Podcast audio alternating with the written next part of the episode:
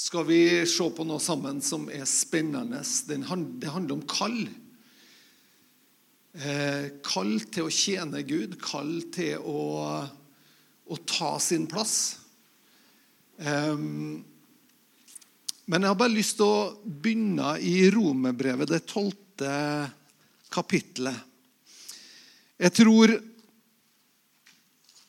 å oppleve at det å Det å stå for Guds ord og det også å kunne være frimodig i troa vår, da, det er noe som eh, kommer til å kreve mer av oss i tida framover. Og jeg, jeg, sier ikke det liksom som en, som en eh, liksom, for at vi skal skremme hverandre, men mer for at vi skal eh, istandsette hverandre, oppmuntre hverandre til å på en måte skjønne at eh, det, er, det er faktisk viktig. Eh, og jeg tror nesten jeg bruker hver søndag til å si ei setning om at det å lese Guds ord det er avgjørende for den styrken som vi trenger å ha i den tida som vi går inn i. Og den tida vi lever i nå. Så det er, det er på en måte eh, eh er jo kanskje kjent for å være en litt sånn happy go lucky-predikant. Som, eh, som er litt sånn lett på fot. Og det er absolutt. Så det handler ikke om det. Men jeg tror at skal man være lett på fot i tida som kommer, så må styrken være henta ifra kilden, og det er Guds ord. Så, og da tenker jeg det som står i Romerne 12 og vers, eh, vers 1 og 2, er viktig for oss. Jeg oppmuntrer dere derfor, søsken, ved Guds barmhjertighet, at dere må framstille deres kropper som et levende offer, hellig og velbehagelig for Gud. Dette er deres åndelige gudstjeneste. Det at vi sier, 'Gud, her er jeg. Jeg er tilgjengelig. Du kan bruke meg. Jeg ønsker at mitt liv skal leves til ære for det.' I den sfæren av nåde som ligger over livet mitt, i det på en måte feltet der jeg har et naturlig rom som du har gitt meg, der ønsker jeg å være til stede med hele meg og med hele det. Det er vår åndelige gudstjeneste. Og så står det videre eh, Og bli ikke, ikke dannet lik denne verden, men bli forvandlet ved fornyelsen av deres sinn. Så dere kan prøve hva som er den gode og velbehagelige og fullkomne Guds vilje. Bli ikke likedanna. Og jeg opplever på en måte at det er egentlig så er det et massivt trøkk på å bli likedanna med denne verdens tankesett. Med å på en måte godta det som sannhet, godta det som Ja, men det her, ja. For det er et sånt massivt trykk da på en del ting. At, at man blir stående, og så føler man at man, eh, man blir nesten som man føler seg så liten i det at man står for noe. Eh, Sjøl om på en måte de ideologiske skillelinjene er tydeligere enn noen gang. Så, så, så, på en måte føler man seg liksom Å, lille meg mener noe helt annet. Og, og noen ganger så Jeg føler jo at jeg har landa fra en annen planet enkelte ganger. Fordi at det er, så, det er så annerledes. Men det som jeg tenker også, det er at eh, vi må ha vår kilde i Gud, og da kan vi stå imot det her og bli likedanna. For da har vi et stadig påfyll. Da drikker vi av de kildene han gir oss. Og så tror jeg på en måte også på å være tydelig på en positiv måte. Jeg tror at vi er positive bidragsytere i et samfunn. Eh, og jeg tror at vi har mye å gi til et samfunn. Og jeg tror på en måte at vi kan ta vår rolle og kjenne Guds vilje på en god måte, som også gjør at, at eh, på en måte det ringer Når vi ikke er enige i noe, så bør det ringe noen bjeller i samfunnet rundt oss. Eh, fordi at det er noe med måten de lever livet sitt på, det er noe med måten de løser ekteskapene sine på, det er noe med måten de, de skinner Kristus da, som gjør at hallo, kanskje vi gjør lurt i å høre litt på hva de har å si. For ideologisk så er det ganske store skillelinjer i det norske samfunnet nå. Og Jeg sier ikke, jeg sier ikke det for å hisse noe sånn mot men, men, jeg sier bare at vi trenger å våge å, på en måte å si at vi tenker annerledes. Vet du noe? Vi tenker annerledes. Og bare bli vant til det. Vi tenker annerledes. Det er diametralt motsatt mange ting. Eh, og så trenger jeg ikke gå inn på, inn på, alt det, for det er ikke det prekena handler om. Men jeg vil oppmuntre oss til å ta til oss Guds ord, sånn at vi blir likedanna med Kristus istedenfor å bli forma etter denne verden. Så bra. I dag så skal vi gå inn og skal vi se på egentlig skal vi se på et generasjonsskifte eh, som skjer i Det gamle testamentet. Et generasjonsskifte som samtidig har mye å vise oss og mye å tale inn i livet vår. Eh, og kalla som hviler over livet vår. I Det gamle testamentet så var det litt sånn at Guds ånd hvilte over profeten eh, og, og, kongen og, og presten. liksom. Det var det var der, var der, eh, Guds ånd hvilte, og det var der salvelsen var. Men så lever vi i dag i en annen pakt, der vi faktisk alle kan komme og drikke ur, ufortjent eller uforskyldt, eller uten at vi på en måte har lagt vår egen rettferdighet til, til, i, i bunnen. Så får vi lov å drikke av Hans ånd, og vi får lov også å anerkjenne Hans kall over våre personlige liv. Sånn at vi kan faktisk våge, om du er, om du er taxisjåfør, eller om du, er, om, om du, kjører gravemaskin, eller om du sitter på et kontor, eller om du sant, Samme hva vi er, så kan vi erkjenne et kall av Gud som faktisk er over livet vår. Der han på en måte har noe som han er spesifikk på i forhold til den du er. Og så kan vi lære oss å takke ja til det. Og Noen ganger er det også noen generasjonsskifter som gjør at på en måte nye generasjoner våger å steppe ut, våger å ta steget ut i å følge Gud enda mer tydelig enn de har gjort tidligere. Og Vi skal se på eh, gutten Samuel, eh, som, som har ei, han har jo en spesiell bak, ei historie der Hanna, mora, hun kunne ikke bli gravid, eh, men hun eh, var en gudfryktig dame, og hun gikk opp, eh, gikk opp og søkte Gud og virkelig la der framfor Gud. Og så Noen ganger er vi så, så tøffe når vi søker Gud. Jeg vet ikke om du har gjort det noen gang, men, men du, du, er liksom i en situasjon så er du så desperat at du sier til Gud at hvis du gir meg det her, da skal jeg gjøre det her. Er det noen som har gjort det noen gang? Ja, vi, altså Noen ganger så er vi jo sånn, og så må vi jo innfri. da. Så Hanna hun har jo sagt til Gud hvis du gir meg en gutt, så skal jeg gi den tilbake til det. Eh, og det gjorde hun faktisk. Hun ga den tilbake, og, og, Samuel ble gitt for å tjene Gud. Men kan vi ikke bare lese denne historien eh, om når Samuel han har jo på en måte vært i tjeneste en stund, men ifra første Samuels bok og da kapittel 1 eh, 3 så kan vi, så kan vi bare la denne historien få lov å, å tale til oss. Gutten Samuel gjorde tjeneste for Herren under Elis tilsyn. Herrens ord var sjeldent i de dager. Åpenbaringssyner var det lite av.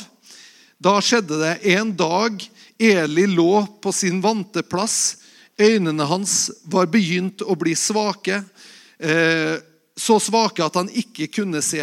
Guds lampe hadde ennå ikke sloknet. Eli, altså det var presten eh, som eh, han tjente under. Samuel lå i Herrens tempel, der Guds ark sto. Da ropte Herren på Samuel, og han svarte, 'Her er jeg.' Så sprang han inn til Eli og sa, 'Her er jeg. Du ropte på meg.' Men han sa, 'Jeg ropte ikke. Gå tilbake og legg deg igjen.' Og han gikk og la seg. Da ropte Herren enda en gang, 'Samuel.' Da sto Samuel opp og gikk inn til eh, Eli og sa, 'Her er jeg. Du ropte på meg.' Men han sa, 'Jeg ropte ikke, min sønn. Gå tilbake og legg deg igjen.' Samuel kjente, eh, kjente ennå ikke Herren, og Herrens ord var ennå ikke åpenbart for han. Igjen ropte Herren på Samuel den tredje gangen. Han sto opp, gikk inn til Eli og sa, 'Her er jeg, du ropte på meg.' Endelig forsto Eli at det var Herren som hadde ropt på gutten. Derfor sa Eli til Samuel, 'Gå og legg deg.' Slik skal det skje. Hvis han roper på deg igjen, skal du svare, 'Tal, Herre, din tjener hører.' Så gikk Samuel og la seg der han pleide å ligge. Herren kom, stilte seg opp og ropte på samme måte, 'Samuel, Samuel.' Og Samuel svarte, 'Tal, din tjener hører.' Da sa Herren til Samuel, 'Se, jeg vil gjøre en gjerning i Israel som skal få det til å ringe i ørene på alle som hører det.' Det jeg har talt om Elis hus, fra begynnelse til slutt, alt det vil jeg la komme over ham på den dagen. For jeg har sagt at jeg vil dømme hans hus for evig for den misgjerningen han har kjent til. For hans sønner førte forbannelse over seg, og han irettesatte dem ikke. Derfor har jeg sverget for Eli, Elis hus at det ikke kan gjøres soning for deres misgjerning verken med slakteoffer eller med offergaver. Ikke til evig tid. Så la Samuel seg ned til neste morgen, og da eh, åpnet han dørene til Herrens hus. Men Samuel var redd for å fortelle om synet til Eli. Da ropte Eli på Samuel og sa, 'Samuel, min sønn.' Han svarte, 'Her er jeg.' Men han sa, 'Hva er det ordet Herren talte til deg?' Jeg ber deg, skjul det ikke for meg.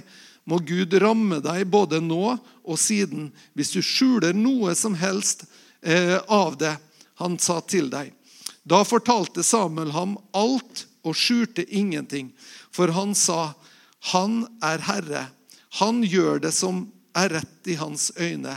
Samuel vokste opp, og Herren var med ham, og lot ikke noe noen av sine ord falle til jorden. Hele Israel, fra Dan til Beersheba, forsto at det var eh, stadfestet at Samuel var Herrens profet.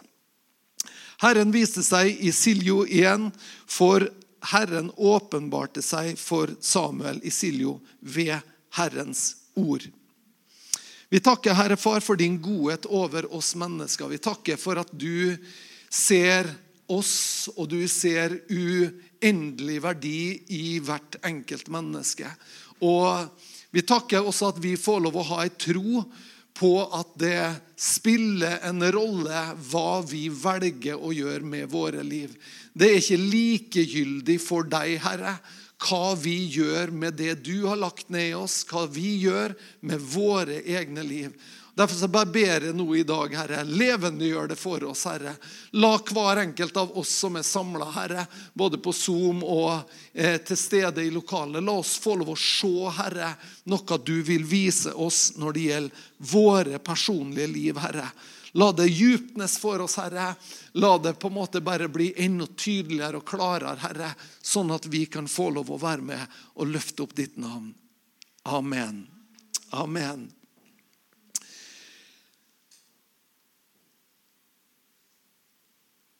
Herrens ord var sjeldent i den tida. Det var lite med åpenbaring. Det var på en måte litt sånn stusslig. Det er det vi går inn i. Det var stusslig. Eh, forhistoria er jo bl.a. at eh, Elis sønner, altså presten sine sønner, eh, de, de, var på rett plass, men med feil motiv. De oppholdt seg i tempelet, og det de gjorde i tempelet, det var å sjekke ut damene som kom for å ofre. Og så forleda de dem. og og synda med dem. Og det her kjente Eli til. og så konfronterte ikke Eli. Han på en måte tok ikke det han, han på en måte egentlig visste, og tok det og konfronterte det. Eh, og Det er en, på en måte litt sånn kultur som vi kan gjenkjenne, der vi på en måte eh, Er det flere enn meg som kan være konfliktsky her? Ja. Sant? Konfliktsky, det, det vet vi hva er. Sant? Og, og, Grunnen egentlig til at vi er konfliktsky, den er egentlig ganske egoistisk. Fordi at Det handler i bunn og grunn om at vi ønsker å være populære. Vi ønsker å være likt, og vi ønsker at alle skal synes at vi er greie, greie folk. Og så på en måte skyr vi konflikten, for da blir det et visst ubehag. Men, eh, men, i bunn og grunn så er det på en måte veldig egoistisk. Eh, og, og, og, så ser vi at det møtet Vi skjønner jo at Eli har møtt den utfordringa tidligere så har på en måte Guds ånd har jo vært over Eli og minnet han på at han må snakke til eh, guttene sine, og han må irettesette dem, og han kan ikke godta det her. ikke sant? Så på en måte denne konfliktskyheten den på en måte er alle, Vi må kunne tenke det at Guds ånd har allerede vært der og, og oppmuntra det. ikke sant? Og så ser vi at når neste generasjon skal tre inn, så har også neste generasjon et valg om jeg tør å stå i konflikten, eller om jeg tør å si det som er, ikke er populært, eller om jeg vil på en måte pynte litt på det, ta det litt ned, roe den litt. ikke sant? Men, men, eh, han klarer jo på en veldig fin måte da, å gjøre det i kjærlighet.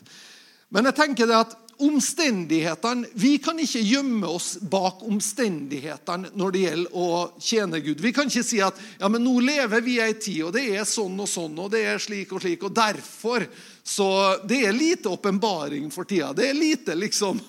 Skjønner du? Altså At vi jo kan leite etter ting vi, vi må Ja, men det er så liten forståelse i dag, så det er nesten umulig. Vi kan på en måte finne noen sånne årsaker og jeg, jeg, kan tenke meg at Eli han har snakka seg sjøl inni de her årsakene.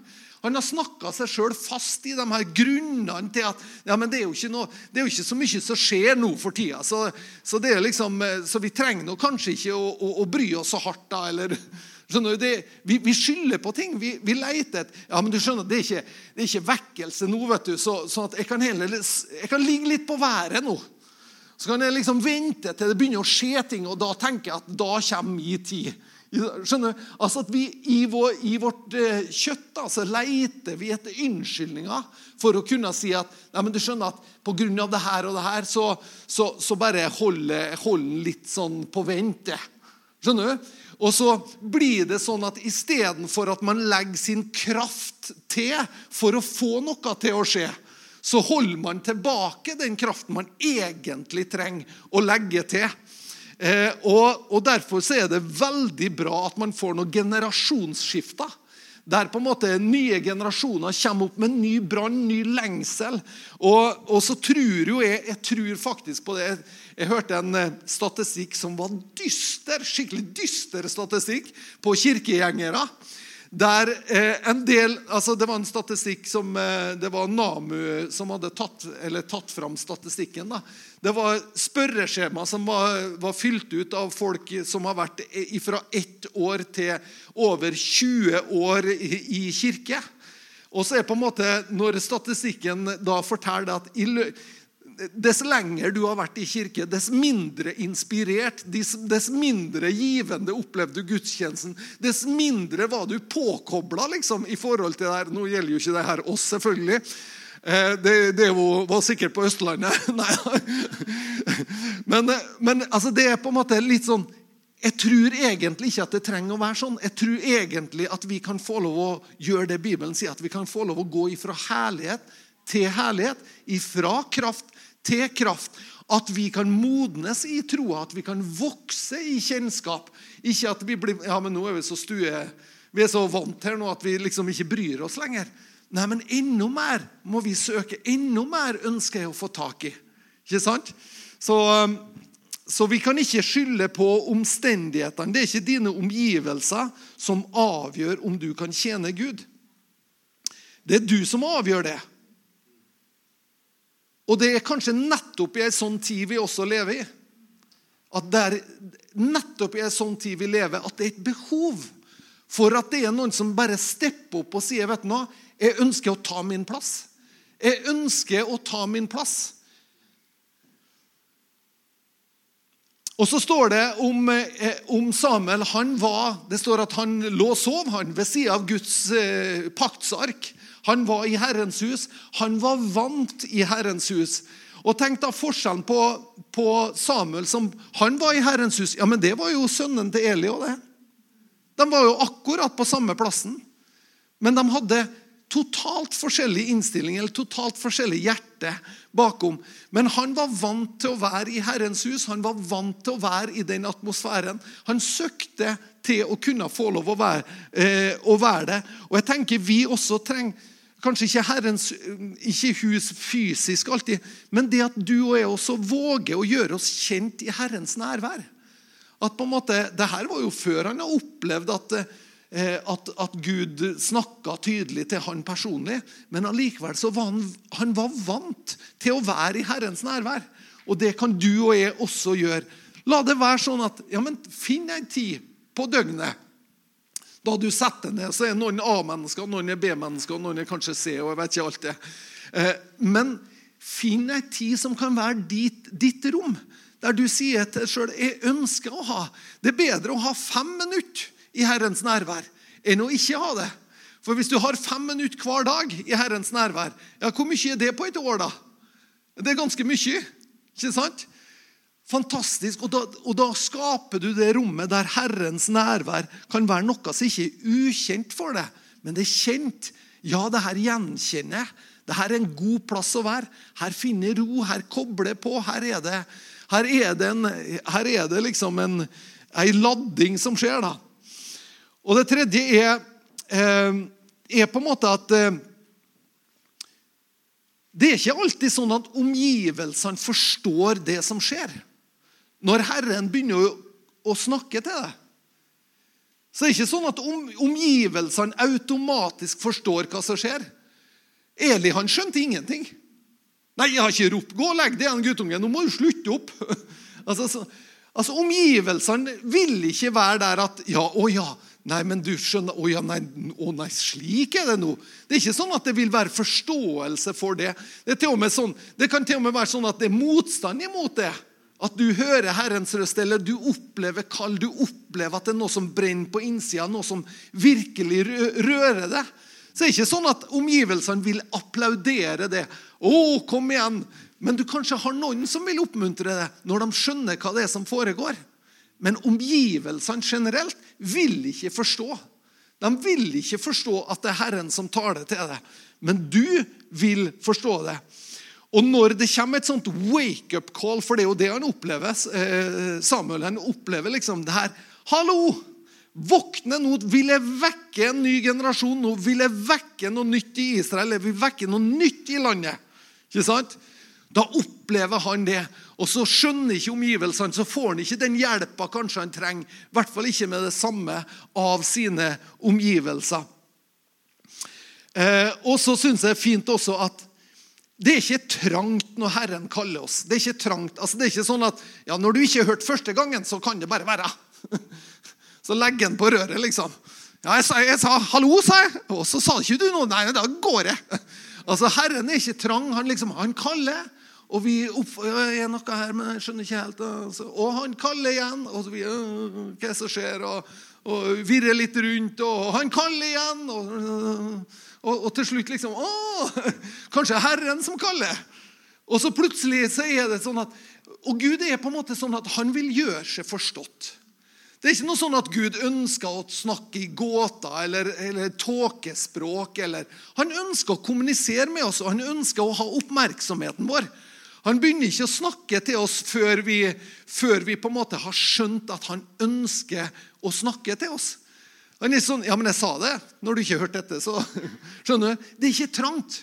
Det er ikke trangt når Gud, når Gud ønsker å snakke til oss, men det er et åpent rom han skaper, og han taler til oss, eh, sånn at vi har mulighet til å gjenkjenne stemmen hans. Og sånn at vi også har mulighet til å gjenkjenne det kallet og den gjerninga som han kaller oss til. Eh, og så tenkte jeg også på det at vi kan gjøre oss kjent med Herrens åpenbaringer. Eh, Herrens ord og Herrens tiltale. For det står at Samuel han var, ikke, han var ikke kjent med Herrens åpenbaring. står det. Han var ikke kjent med Herrens åpenbaring. Men det betyr jo også at motsatsen er, det, er, det, er muligheten. Muligheten er jo da å bli kjent. Sant? Når vi ikke allerede er kjent, så kan vi faktisk bli kjent. Så det, er jo litt gode nyheter. Når vi ikke er kjent Og det er kanskje sånn man opplever Ja, men Erlend, det her med det du snakker til meg nå, det er litt sånn Jeg har ikke opplevd så mye av sånt der. Nei, men sånn var det med Samuel òg. Han hadde ikke opplevd så mye av det. Men Gud ønska jo det for han allikevel. Så det er jo en erkjenn, Jeg kan jo godt erkjenne at vet du, akkurat på dette området i livet mitt så, så kunne det ha stått bedre til. Ikke sant? Gud har noe mer for meg på dette området i livet. Og jeg kan bli kjent. Det er en mulighet for meg å bli kjent med åpenbaring. Bli kjent med Guds ord på en sånn måte at wow, det her er jo livgivende. Det her er jo liv. Jeg fikk en telefon av Annika i går, og hun hadde fått sett noe nytt i Guds ord. Og Hun bare, det her er jo helt, hun var, hun var, hun var der, liksom. Og, og, og ville, ville, dele med meg. da. Ellen, vi må ha tid til å snakke, for dette. nå må jeg dele med henne. Hun var bare wow! Sånn. Jeg, ja. Fint. Veldig fint. Men tenk at Guds ord er sånn. Tenk at vi får ny åpenbaring. Det fins nye ting vi kan se.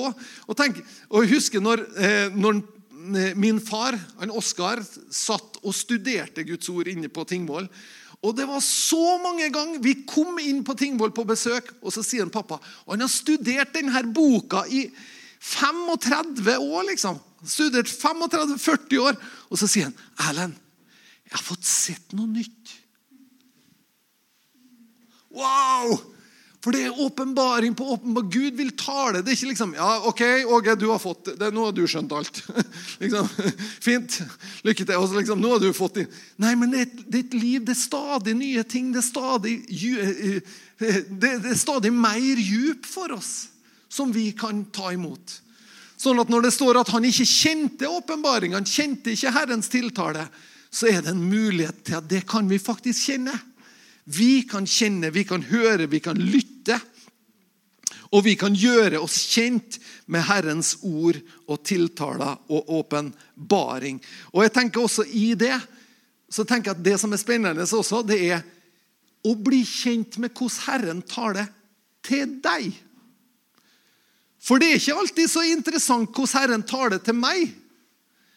For han ønsker at du skal bli trygg på hvordan han taler til deg. Hva er det? Ser du bilder? Er det, ting, er det når du er ute og går i naturen? Er det, når er det? Noen er jo sånn at de drømmer om natta og ser ting i drømmer. Og, altså Det er så forskjellig. Noen får et ord et ord som hopper opp av Bibelen, kanskje. eller skjønner du? Det er så mange forskjellige måter Gud taler til oss. Vi er så forskjellige. Og det er så forskjellige ting som taler til oss. Og det er fantastisk. Jeg kan ikke si at fordi at Gud tar det til meg på denne måten, så må han gjøre det til det òg. Nei, det er snarere men kanskje heller sånn at da kommer han sikkert ikke til å gjøre det på samme måte med det. For du er en annen person. Sånn at vi kan bli kjent med åpenbaring og tiltaler. Men det som er mest spennende, hvordan snakker han til det? Hvordan gjenkjenner du hyrdens røst? Hvordan taler han med deg? Hvordan, hvordan, når han kommer til det, og du gjenkjenner Wow! Ja, men det her gjenkjenner jeg.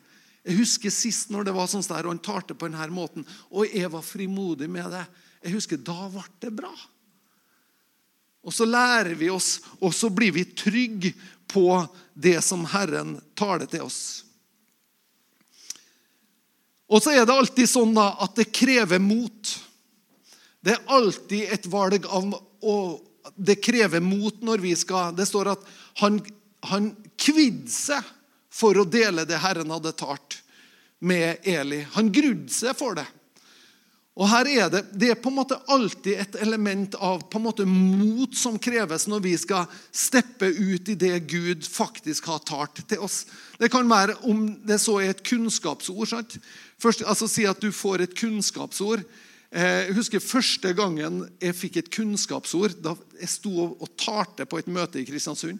Og så plutselig, når vi gikk inn i ettermøtet, så fikk jeg vondt i ankelen. Og jeg fikk kunnskapsord, og jeg husker jeg var kjempenervøs for å si ja, men hva, så, hva hvis det er feil. da? Hva hvis Det er ingen? Så, ja, det er jo ikke så mange på møtet. Det, men det kan jo, altså Statistisk så kan vi, det er jo ikke sikkert drrrt, Så går sinnet og tankene fordi at du opplever noe. Men, men jeg må ha et visst mot for å steppe ut, for å for å liksom ta det ut. Og så husker jeg at jeg, jeg våga meg fram, da, og så tenkte jeg at ja, men det er jo veldig rart hvis jeg kjenner jeg har vondt i, i, i ankelen. Og så må det jo være Guds sak å på en måte ordne det her, da. Og så, så husker jeg at jeg sa det, og så, og så var det en mann der, han, eh, vår gode Leif Nilsen, vet du, som er en del av teamet i Kristiansund. Godt voksen kar. Han hadde vært i arbeidsulykke denne uka, og han eh, hadde skada ankelen sin. Og Han kommer fram og får forbønn, og han blir helbreda. Og, og, Jeg hadde glemt det her, men han fortalte for et par måneder siden til meg. Husker du det? Og Det var jo første gangen jeg fikk et kunnskapsord. Men det kreves alltid mot for å trø ut på ting. Det kreves alltid. Sånn er relasjonen krever også mot. ikke sant? Eh, jeg tenker på Philip som var ute og, og vandra liksom eh, på øde strekning, og her kommer det en eh, etiopisk hoffmann. Du skal ha et visst relasjonsmot liksom, med, til å gå bort og si at 'Hallo, hva, hva, ja, hva driver med du?' Altså, Det kreves alltid mot, men det er det motet altså Frimodighet har stor lønn. ikke sant? Og, og, vi kommer aldri noen plass uten at det fins et visst mot som du og jeg må utøve. Og kan, noen må sikkert utøve kanskje tilsynelatende et større mot. Ikke sant? Men, men, det er ikke, Gud jobber ikke med oss tilsynelatende.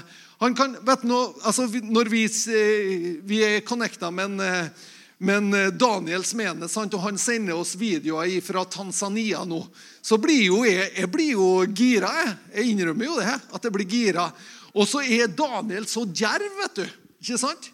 Så, så, så, han liksom trør ut i et mot. Men det er i forhold til hans sitt kall. Så det motet han må hente fram for å tore å proklamere evangeliet sånn som han gjør, det er kanskje det samme motet som kreves av deg bare for å si noe til en av dine arbeidskollegaer. Det er kanskje akkurat det samme motet som kreves, bare for at for Daniel ser det litt annerledes ut enn sånn som det ser ut for det og meg. Så vi trenger mot for å dele det som Gud viser oss. Og Det er alltid et spørsmål om vi tar det her motet til oss. Det er alltid et spørsmål. Og Det har du sikkert kjent. og Du, du, måte, du, du er minnet om å ta en telefon. Det krever mot. Du er minnet om å oppmuntre noen. Det krever mot.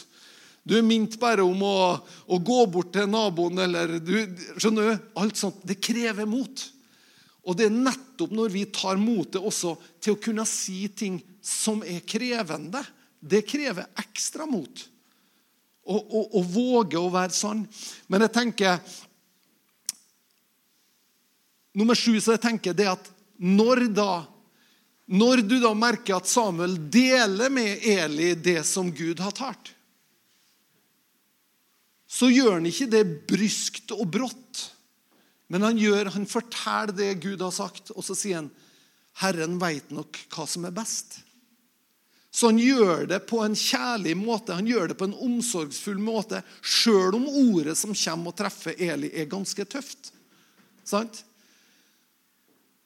Men samtidig så vet også Samuel det at det ordet, det er det som er det Gud har sagt. Det er det som er det som kan sette fri. Det er ikke liksom en utvanna vers. Ja, du skjønner at det er litt sånn altså, Er det noen som har opplevd det at vi har litt behov for å tone ned, eller kanskje altså, ja, Jeg husker en gang i 73 jeg hadde den følelsen. Nei, Det er jo litt sånn med oss, og det handler jo nettopp om det at vi ønsker å være populære, vi ønsker å være likt. Men så er det noe med å formidle sannheten i kjærlighet. Det å kunne være formidlere av noe som er sant, men samtidig så er det dyppa i kjærlighet. Så jeg tror ikke at Eli opplevde liksom at eh, Samuel var opprørsk, eller han var liksom eh, noe, noe liksom, Det er ute med det, og nå er det noe nytt som kommer her. Og, men jeg opplevde at her er det en som faktisk har omsorg for meg. Som kommer og formidler det her. Det er tøft. Men noen ganger stå, det står jo det eh, at, at vennens slag er mer trofast enn fiendens kyss. Det er jo ganske spesielt. Sant? Og Det betyr at, på en at en venn er faktisk trofast når den smekker, smekker til det. Litt sånn at du våkner. Fordi at den bryr seg. Og så er det siste også, det er jo på en måte at, eh, at det som skjer da, når han trør ut, når han våger å ta det her motet, så kommer det en anerkjennelse over Samuel sitt liv. Og her står det jo I denne historien her, så står det at hele Israel anerkjente at han var en ny profet som var salva av Gud. Sant? Og det tenker jeg også at når vi tar noen steg, så vil det komme en anerkjennelse i det området av nåde som du har. Da vil det komme, Hvis du skal være en røst på, på arbeidsplassen eller i en setting der du er, så vil det også følge en anerkjennelse av den du er, og av det du bærer med deg. Det vil anerkjennes i ditt område. Skjønner du? Sånn at du altså, på en måte Man kan jo tenke at ja, men jeg vil jo bli anerkjent over hele Norge. Så ja, Det har jo vært fint over hele Israel. Ja, Men det var hans sitt område. Sant? Jeg har ikke behov for å bli anerkjent på annet enn det som er mitt område. På å trø ut i det som Gud faktisk kaller meg til. Og når jeg da gjør det, så kommer anerkjennelsen i det området. Da gjenkjenner man på en måte Ja, men her, hun har noe som virkelig gir oss noe i det her området. Hun her trenger vi å lytte til. Vi må høre hva hun har å si. Hun bærer med oss en visdom som er litt mer enn bare statistikker og det ene og det andre. Ikke sant? Hvordan kan vi, hvordan kan vi på en måte ta det? Og så kan vi se at Gud han er jo den som vil bringe den anerkjennelsen. Han, vi trenger jo ikke å Ja, nå krever jeg anerkjennelse! Det er populært å komme på jobben. Ja, nå krever det, ikke, det funker ikke sånn. Men det er noe av det som hviler over livet ditt. Når du tar det, når du tar motet til det og går ut på det, så vil det også følge en anerkjennelse. Det vil gjenkjennes. Det betyr jo ikke at alt det Samuel sa, ble godt mottatt. Eh, sånn kan det jo være. Og Sånn kan det være med folk rundt det også. Det er jo ikke sånn at alle nikker anerkjennende til alt du sier. Det er jo ikke det det betyr. Men det er bare noe, det er bare noe med Bente som gjør at hun har noe å ferde med. Vi vil høre hva hun har å si. skjønner du? Altså, det, er liksom, det, er litt, det, det er der det ligger. Det er ikke sånn at alle er enige alltid i alle ting og applauderer alt. Men det handler om at vet du noe, det fins en anerkjennelse av at her bor det noe som er litt annerledes. Vi gjør vel i å lytte til det her. Så vi trenger også å takke ja til de kalla som Gud legger over livet vår. For jeg tror at det er en styrke i om vi våger å si ja, jeg ønsker å innta mitt område. Jeg ønsker ikke å skylde på alle andre eller skylde på omstendighetene. Jeg ønsker ikke å gjemme bak omstendighetene. Jeg ønsker å være kjent i Guds nærvær, med Hans ord og Hans nærvær. Og sjøl om ikke alle andre forstår, så ønsker jeg å prøve å forstå. Det er aldri trangt når Herren kaller. Men du kan gjøre det kjent i hans nærvær og i hans åpenbaring. Og du kan ta fram mot, og så kan du formidle sannheten i kjærlighet. Så vil anerkjennelsen komme. Jeg tror at Gud kaller mennesker. Jeg tror at Gud kaller oss til oppdrag. Og jeg tror at vi trenger å si ja. Jeg tror at vi trenger å si at 'jeg ønsker å høre'. Jeg, ønsker, jeg vet ikke alt det innebærer, men jeg ønsker å høre. Jeg ønsker å steppe opp. Jeg ønsker å være den neste generasjonen som sier 'ja, jeg vil ta et ansvar'. Skal vi bare be sammen? Takke, Herre, for din godhet imot oss og imot alle mennesker. Vi snakker om kall i dag, Herre, og vi vet at det er dyrebart. Både det du har lagt ned i hver enkelt av oss, og det som du lar vokse ut av livet vår når vi overgir dem til det. Derfor så ønsker vi, Herre, at du skal tale til oss ved din ånd. At du skal kalle oss, at du skal snakke til oss, og at vi kan få lov å høre bit for bit og gå steg for steg. At du kan skape i oss det motet som trengs, Herre, for å våge å være litt annerledes og for å våge å stille oss også der det er ubekvemt. Jeg ber om nåde, Herre. Og jeg ber om en ny generasjon troende, Herre. Som tar sin plass, Herre. Som fyller sin funksjon, Herre. Fyller det rommet som du har gitt, Herre. Takk, Herre, for en kultur der vi får lov å heie på hverandre. Takke for det. Og så ber jeg om at, at ord må bli til liv i oss, Herre. Jeg ber om det, Herre. La ord bli til liv i oss. La ditt ord bli levende i oss, Herre. Sånn at vi kan gå, ja, springe med det, Herre. Det ber vi om. I Jesu Kristi navn. I Jesu navn. I Han er det vi lever og rører oss og er til. I Han er det. Ja. Så hvis vi ønsker å leve og være levende, så er det i Han vi kan gjøre det. Mm. Ta imot Guds kall over ditt liv. Ikke spring ifra det. Ikke skyld på andre. Bare ta det. Ta imot det. Ta noen steg, ta noen beslutninger. Så vil du se lenger ned i veien så vil du se at wow, det at jeg bestemte meg, det var det som åpna døren for meg. Amen.